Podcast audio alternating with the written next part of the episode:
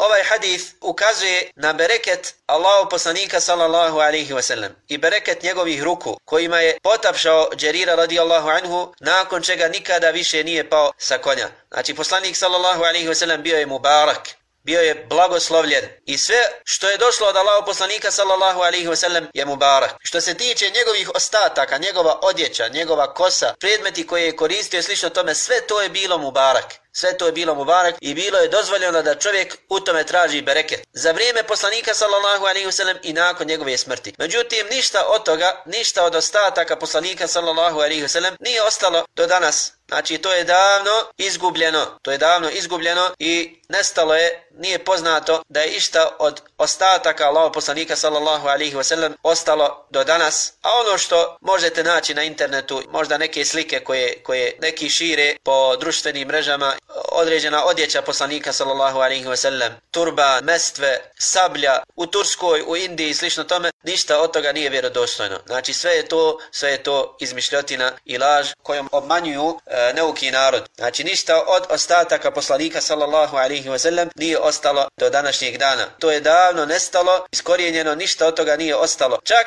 i za vrijeme prvih generacija ništa od toga nije ostalo. Znači u vrijeme imama Ahmeda i njegove generacije nije poznato da je neko imao dlaku poslanika sallallahu alaihi wa sallam ili da je neko imao nešto od odjeće poslanika sallallahu alaihi wa sallam. Iako je to bilo u trećem hiđetskom stoljeću, Bilo kako bilo, što se tiče poslanika sallallahu alaihi wa sallam, dozvoljeno je tražiti bereket od njega. Znači da čovjek traži bereket od poslanika sallallahu alejhi ve sellem to jest da ga poslanik sallallahu alejhi ve sellem e, potapše rukom da uputi dovu Allahu subhanahu wa taala za njega i slično tome zato što je poslanik sallallahu alejhi bio mubarak. Zato što je poslanik sallallahu alejhi ve sellem bio mubarak. I ashabi radijallahu anhum tako su postupali. Kada bi poslanik sallallahu alejhi ve sellem kada bi se ošišao e, otimali bi se za njegove dlake pa bi onda tražili bereket u tim njegovim dlakama. Ili kada bi poslanik sallallahu alejhi ve sellem abdestio otimali bi se za kapljice vode koja spada sa njegovog svog tijela nakon, nakon što abdesti. Međutim, ashabi radijallahu anhum nisu to radili sa drugim osobama mimo poslanika sallallahu alaihi sallam. Nije zabilježeno da su ashabi radijallahu anhum tako činili sa Ebu Bekrom radijallahu anhu nakon smrti poslanika sallallahu alaihi Niko se nije otimao ni za njegove tlake, ni za njegov znoj. Niti su ashabi to radili sa Omerom, niti sa Osmanom, niti sa Alijom, niti sa drugim ashabima radijallahu anhu. Znači, nisu to radili osim sa poslanikom sallallahu alaihi sallam. I zato je pogrešno, pogrešno i zabluda i novotarija da neko traži bereket u ljudima ili od ljudi mimo poslanika sallallahu alaihi wa sallam. Znači ode kod nekog šeha